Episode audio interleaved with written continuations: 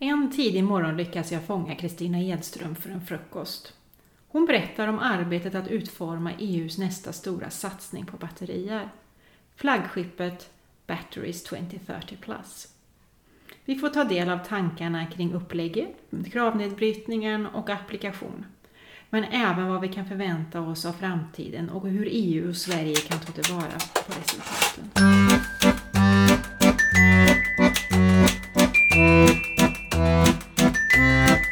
Ett stort konsortium som eh, består av både forskare och så branschorganisationer. Och, och täcker man in alla liksom deltagares olika kopplingar till olika företag, till olika forskarmiljöer så, så är vi 90 kanske partners. Medan vi är eh, 20, ja, 17 stycken i en kärngrupp. Det är allt från de absolut bästa forskarna i Europa till organisationer som Imeri som står mycket för det här med återvinning och material. Det är en, det är en sån organisation som samlar företag. Ett exempel på en som är med i Imeri är Jumicor Umicore till exempel. De är väldigt aktiva i detta. En annan är Recharge som eh, har en hel del av fordonsindustrin Eh, som eh, med sig. Så finns det en som heter IS som står för Energy eh, Storage. Och sen har vi med oss organisationer, det finns ett sånt här nätverk som har funnits länge i Europa som heter Allistor som har ett 20-tal universitet och ett antal företag inblandade. De är också associerade detta. För att få en bredd så man känner att Europa, det finns liksom folk och forskare och aktiviteter ju runt om i Europa och få med dem brett är viktigt. För det ska vara någonting som är till för Europa. Och pengarna ska inte bara komma från kommissionen utan också för, från de olika medlemsländerna vill man ju ha det med brett. När du pratar om pengar, ja. hur mycket pengar pratar vi om? Vi pratar om, om det som de existerande flaggskeppen så pratar vi 10 miljarder svenska kronor på 10 år. En miljard om året. Och hur mycket kommer av kommissionen? Från 50 procent. Och sen ska medlemsländerna stå för det andra. Och det tror jag, då räknar man in existerande aktiviteter så det behöver inte betyda att man måste plocka fram massa extra pengar. I Sverige har vi aktiviteter som vi lägger och forskningspengar som vi lägger på batterier på olika sätt. Både på, eh, Vetenskapsrådet, Vinnova, Energimyndigheten och vad är Sveriges Electromobility Center. Det kan man räkna in utan att det kostar något extra.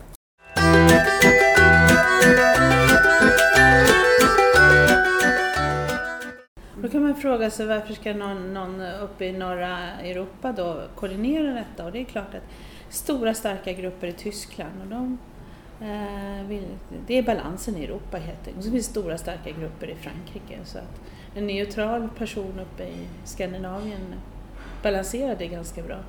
Och sen har vi ju varit med länge så vi är ju på det sättet kända också i Europa.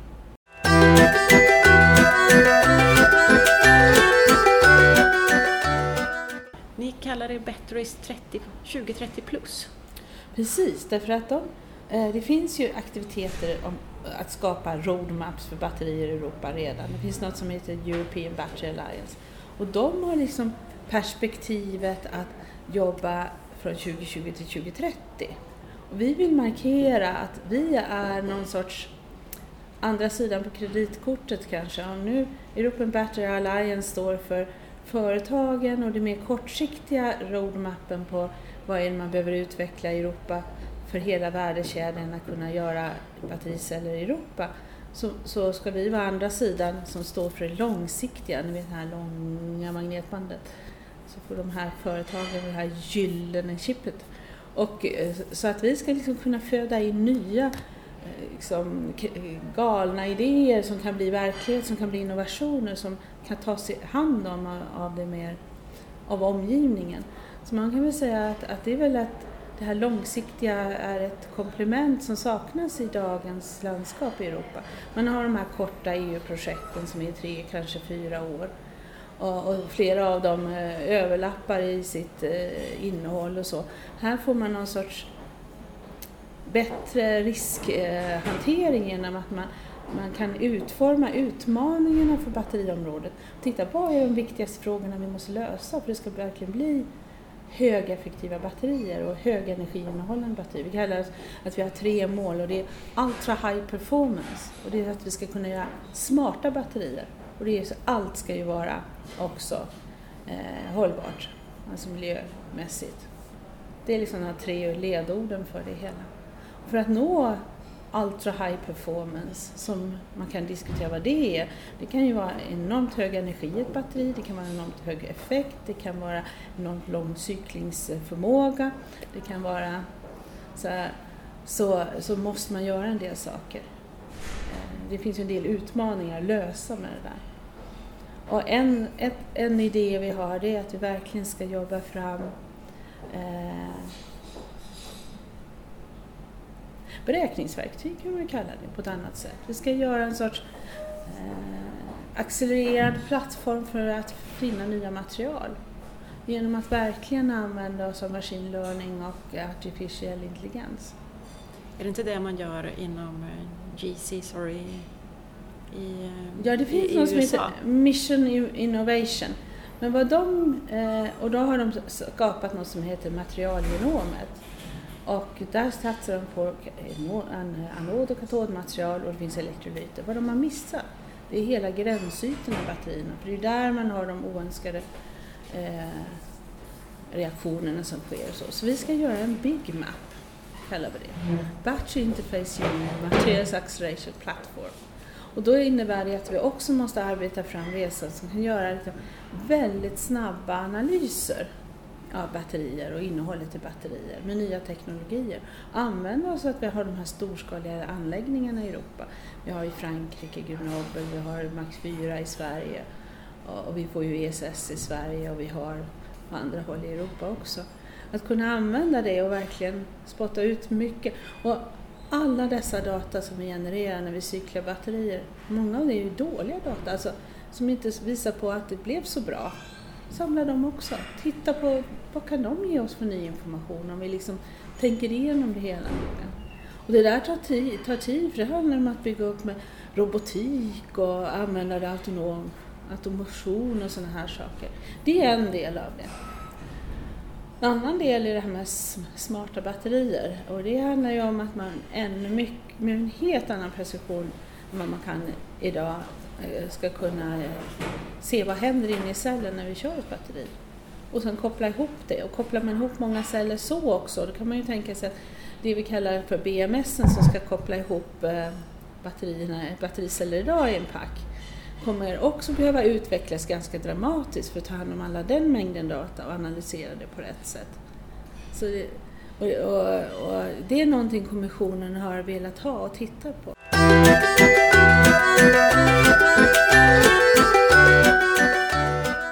Det kan också vara att man verkligen får ta fram sin kemilåda och titta på vad har vi för molekyler som vi kan eh, lägga in ungefär som vi har det här begreppet inom medicin som handlar om drug delivery, det vill säga att man kapslar in medicin i små partiklar och sen så vid något tillfälle så eh, bryter de där isär och medicinen eh, tas emot av kroppen. Vi kanske behöver något sånt i batterierna också.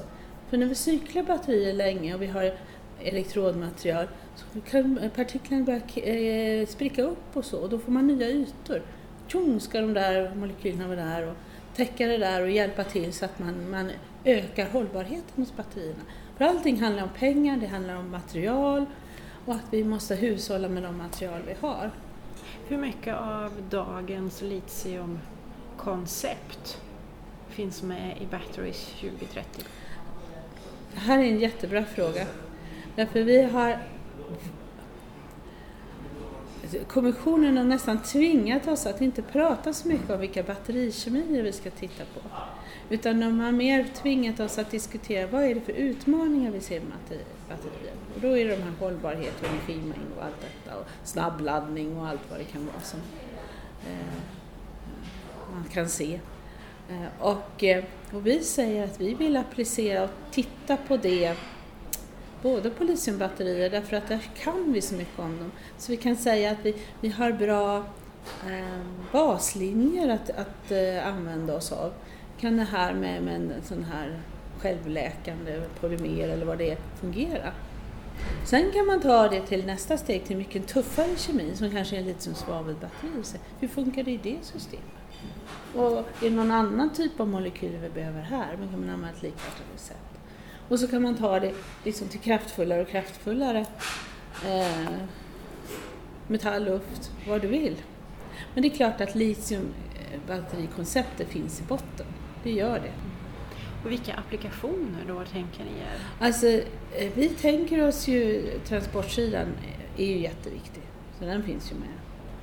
Och, eh, och särskilt om man tänker på att nu kommer ju också de här vägmaskinerna och gruvmaskiner och sånt som kräver väldigt mycket effekt. Men sen tänker vi oss också att det medicinska området, om du har implantat, artificiella muskler, eh, robotar, drönare, flygplan, det är också transport i och för sig. Eh, och eh, storskalig lagring. Vi tänker nog in allt det. Och hur balanserar ni ibland kraven? För alla de här applikationerna du har nämnt har ju helt vitt skilda kravbilder. Ja. Hur, hur balanserar man effekt, energi, kostnad, laddning, hållbarhet, livslängd, antal cykler? Ja, det där, det där är en, en ganska komplicerad fråga du ställer. Och vi tänker oss ju, och det är vad kommissionen vill, att eh, de existerande flaggskeppen, de är ganska sådär, det är de partners som finns, så kan man byta ut partners vid ett antal tidpunkter under de här tio åren. Eh, när det gäller det här flaggskeppet så tänker man sig nog att man har ett skelett med resurser som är lite långsiktiga, men att man faktiskt tar in kompetens och bygger upp det här så att man säger att till det här, eh, till om vi ska ha drönare med den typen av behov så ska vi kunna jobba med de här frågorna eh, i ett, ett subprojekt inom det här. Jag tror man måste göra så. För att ska du ha 100, 170 partners eller vad det är en sån här, då måste du bryta ner det med IP-frågor och sånt så det blir hanterbart. Så det blir de subgrupperna som hanterar liksom, nu går vi för det här med effekt, nu går vi det här för energi och nu går och, detta... och testa våra olika. Men någonstans ska det här stommen vara det här med smarthet och, och att vi också har den här mappningen. Då. Och den här nedbrytningen i de här subprojekten, är det det som kommer ske under det här året? 2019, Bland annat, 2020? i alla fall startprojekten och så måste man ha en struktur. Hur efter fyra år, när man har sex år kvar, plockar man in nya idéer och prickar in nya kompetenser. Ska vi ha robotik med så kanske det inte är klassiska batterimänniskor utan det behövs andra personer som är med. Så man måste bredda kompetenserna. Du säger att ni ska ta fram ultra high performance. Mm. Har ni brutit ner det i eh, kilowattimmar per kilo, kilowattimmar per liter, dollar per kilowattimme? Eh, ja, det har vi gjort. Och vi försöker göra det på en 0 till 5 års prognos, 5 till 10 års prognos och en över 5 års prognos. Så det har vi gjort, men jag tänker inte ge dig siffrorna nu. För det är under diskussion, vi ska ha möte i Bryssel och diskutera detta. Och det är också en diskussion man kör med kommissionen. De blir ju måna att vi ska liksom vara komplement också till de existerande Horizon 2020 och FP9 som kommer. Så att vi liksom är något annat än vad som finns där.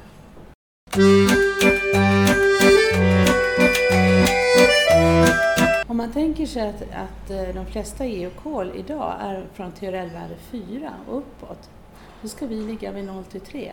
Så vi ska vara som en fontän av idéer och innovationer som vi ska liksom spilla ut och över i, i FP9 och Horizon 2020.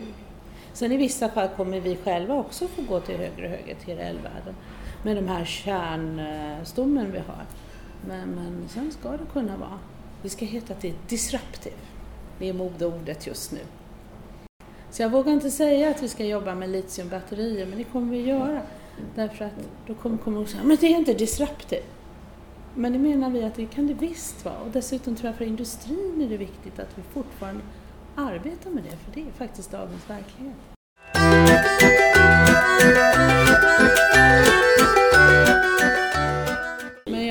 jag tänker då att om det blir stora volymer nu av plug-in och elfordon, som ju ser ut att öka, Norge är uppe på 20 procent ju, så, så handlar det om tillgång på material. Och då kanske man måste gå till magnesiumbaserade manganbaserade batterier igen. Förlåt. Och då, då har du ju, du måste lösa en del problem. Det är Ja. utmaningen med det. Ja. Men löser du dem, då är du hemma kanske. Ja. För mig är då litiumbatteriet det är ett modellsystem som är baslinje och sen så går du till tuffare kemi, du kanske byter ut grafiten i anoden mot en litiumfolie och så måste du börja fundera på det. Vilket ju är en, någon, en väldigt tuff utmaning som många jobbar med. va. Och så kommer du till det här, hur gör du då om det blir, blir fasta elektrolyter?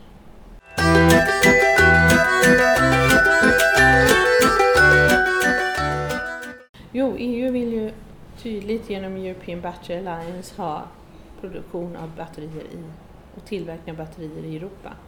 Och det är ju för att man också kopplar det till att det är inte man ska förlora nya i, i, kanske industrier som kommer beroende på automation och, och robotik eh, i Europa men också naturligtvis för att värna europeisk fordonsindustri.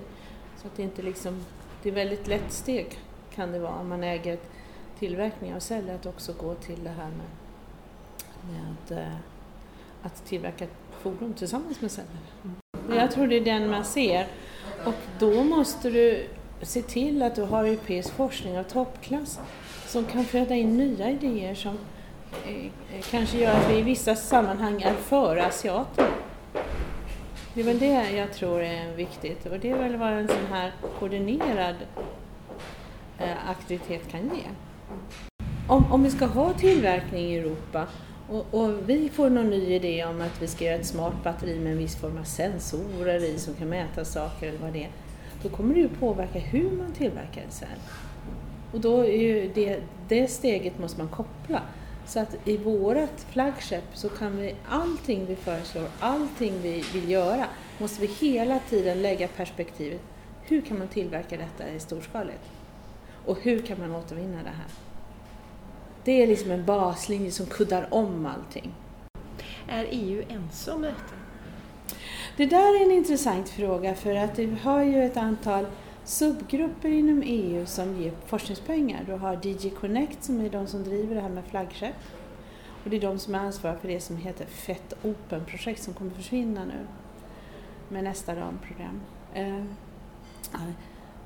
I, när det gäller batterierna så har de hela, vi har hela tiden dialog med DG Connect och DG RTD som är forskningsdelen. Och, så när vi har möten, och vi har möten nästan en gång i månaden med dem, då är det folk från DG Connect med, det är eh, folk från Fiat Flagship med, det är folk från DG RTD och det är från Transport som är med. De vi saknar detta, det är DG Energy. Och de har då eh, nu en egen utlysning, något som heter en E-tip. Och den här E-tip, den, det är att skapa ett kontor.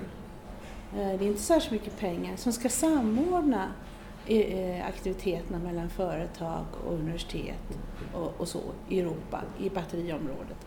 Så där sitter också då en konstellation, konstellationer skriver på en sån ansökan. Och de finns då också med i vårt konsortium. Så att allting hänger ihop. Men eh, eh, det har väl varit en hel del diskussioner mellan DG Connect och DG RTD för att få till en samsyn på att de vill stödja detta.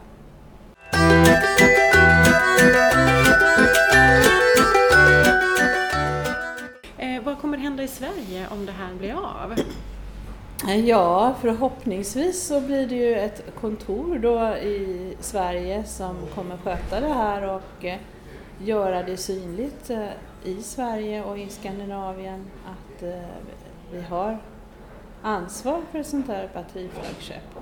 Och det innebär ju, ett kontor innebär att man har projektledare, man har jurister, man har ekonomer och kommunikatörer som jobbar för att det här ska bli bra. Så det är väl eh, vad vi hoppas. Sen hoppas vi att det ska trilla ner resurser också. Eh, och eh, så blir ju ett antal svenska universitet och företag partners i detta och ska kunna vara med i det här nätverket. Som, det är ju en form av jättenätverk där man verkligen diskuterar vad är det för, för viktiga utmaningar vi har och hur ska vi formulera själva projekten och så. Så att, det är väl tanken. Och, och det finns ju batteriforskning framförallt i Uppsala, Chalmers, KTH. Men även eh, mycket kunskap i Lund med Max 4 och eftersom den kopplingen skulle vara viktig så ser jag ju gärna att Lunds universitet är med och Linköping har också väldigt mycket kompetens och håller på att bygga upp också saker inom energilagringsområdet och duktiga på tunnfilstekniker och så. så att mm, det finns åtminstone fem starka, väldigt forskningstunga universitet som är naturliga att ha med i ett sånt här nätverk. Och, Sverige, och naturligtvis eh, Sveriges Electromobility Center är ju en hubb som man också skulle vilja ha med. Det sker ju väldigt mycket forskning redan nu på nationell nivå ja. på, på, olika satsningar i Tyskland, i Frankrike, ja. i Sverige, i Storbritannien och så vidare. Kommer inte de här lösningarna komma ändå? Behövs det ett flaggskepp? Alltså i min värld så tycker jag att resurserna det används ganska mycket resurser för att göra samma saker på väldigt många ställen. Och ett flaggskepp tror jag kan eh, på ett annat sätt renodla vad är de viktigaste frågorna, studera och lyfta det. Um, sen så är det tillbaks till det här med TRL-begreppet. Att om ett flagship ligger vid låga TRL-värden så är det fullt upp för de enskilda länderna att ta tag i och lyfta TRL-nivåerna och komma till olika saker. Men, men uh, det är ju naturligtvis en fråga som medlemsländerna ställer sig nu också. Våra egna program, vad, vad är det som gör att det här blir någon skillnad mot dem? Precis som man har på Europanivå, vad, vad ska det här vara som skiljer sig från Horizon 2020 och eh, så. Mm. Men jag tror ju också att det kan föda fram nya idéer genom att man för en dialog på, på nätverkshåll.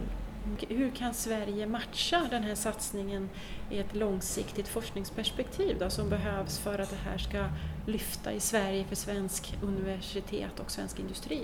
Ja, det är ju någon sorts lockande tanke att man, eh, man har ju det här nya laboratoriet SIL som ska sjösättas som handlar om allt från celler till pack upp till eh, fordonens drivlina. Det ska ju vara på västkusten och kanske lite grann i kvar på östkusten.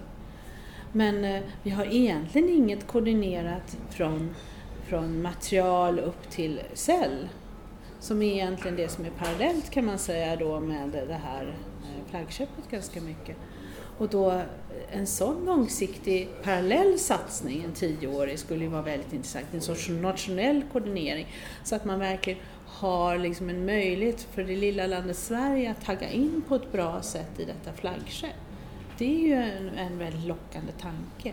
Och få möjligheten att just eh, utveckla sånt som vi inte har. Vi är ju duktiga på material, vi är duktiga på eh, att förstå mekanismer i celler eh, och vi gör elektrodmaterial, elektrolyter och vi kan eh, göra elektrokemisk modellering i Sverige. Men att vi också bygger upp de här gränsytorna som man kopplar in där vi ju inte har gjort det idag.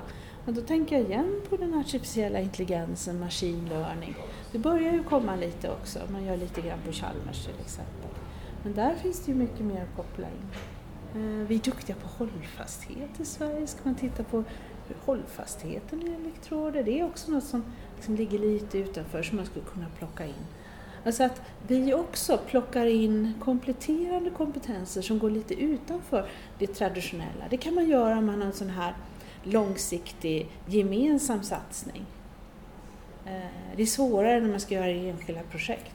Och den kopplingen du hade förut med de här bärarmolekylerna, du liknade till medicinsk ja, eh, ja. industri och forskning. Ja. Det är vi också duktiga på i Sverige. Det så det skulle man också koppla in, om man säger så, våra traditionella eh, styrkeområden i Sverige kan kopplas in ganska enkelt. Eller om man tänker till så kan det bli en ganska enkel inkoppling. Ja, och sen har vi varit lite grann sådär genom att vi har Sveriges Electromobility Centrum, vilket jag är väldigt glad för, för det är någon form av koordinering. Men det är ju så fokuserat på transportsidan, att ett sånt här långsiktigt centrum kan vara parallellt till det och också omfamna andra teknologier. Då tänker jag på på eh, storskalig lagring men också medicinska området och implantat och sånt.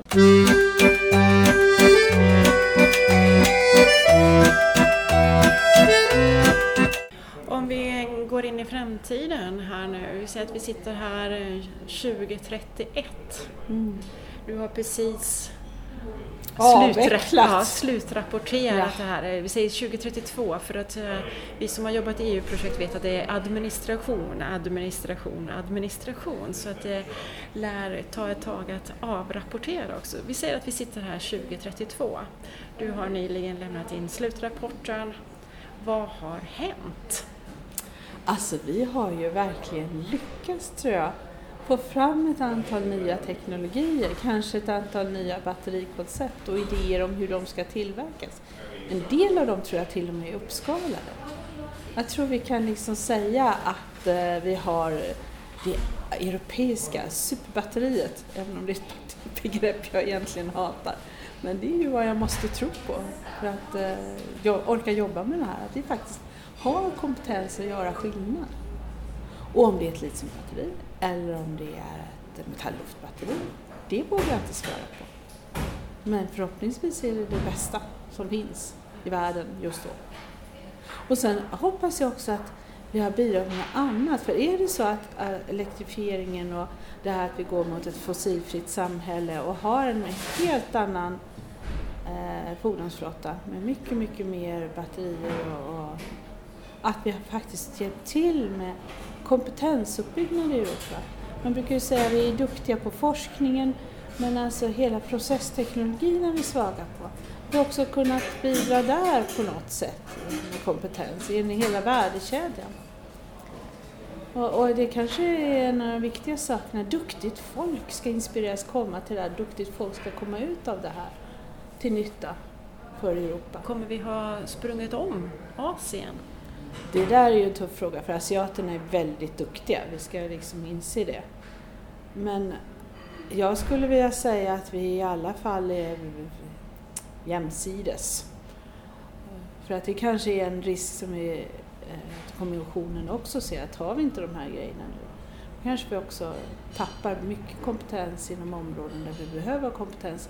Du vet, det sånt här spiller ju över även på andra områden som inte är batterier. Kompetens är ju något som, och kunskap är ju något som är bra för många olika saker.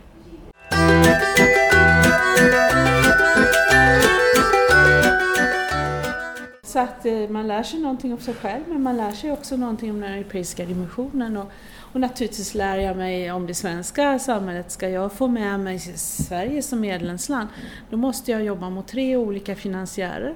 Jag måste jobba mot tre olika eh, regeringsdepartement. För där måste både Energi och miljödepartementet veta om att det här finns, Näringsdepartementet och naturligtvis Utbildningsdepartementet. Och sen är det VR, Vinnova och Energimyndigheten och att de också ställer upp så fantastiskt och eh, eh, samlas vid samma bord för att diskutera detta och supporta det här flaggskeppet. Det är jag väldigt tacksam för. De är väldigt stödjande och de, de kan mycket för vi har ju ett grafenflaggskepp som sköts eh, av Chalmers och föreståndaren där har ju också eh, hjälpt mig och varit i dialog och hur man ser hur de har lagt upp det och vilken styrmodell de har. Det är, en, är ett flaggskepp som anses fungera väldigt, väldigt bra. EU själva är väldigt nöjda med hur det utvecklas. Så att eh, eh den kunskapen finns i Sverige, den finns på Vetenskapsrådet och jag får det stödet av att, att tänka i styrmodeller och sådana här saker.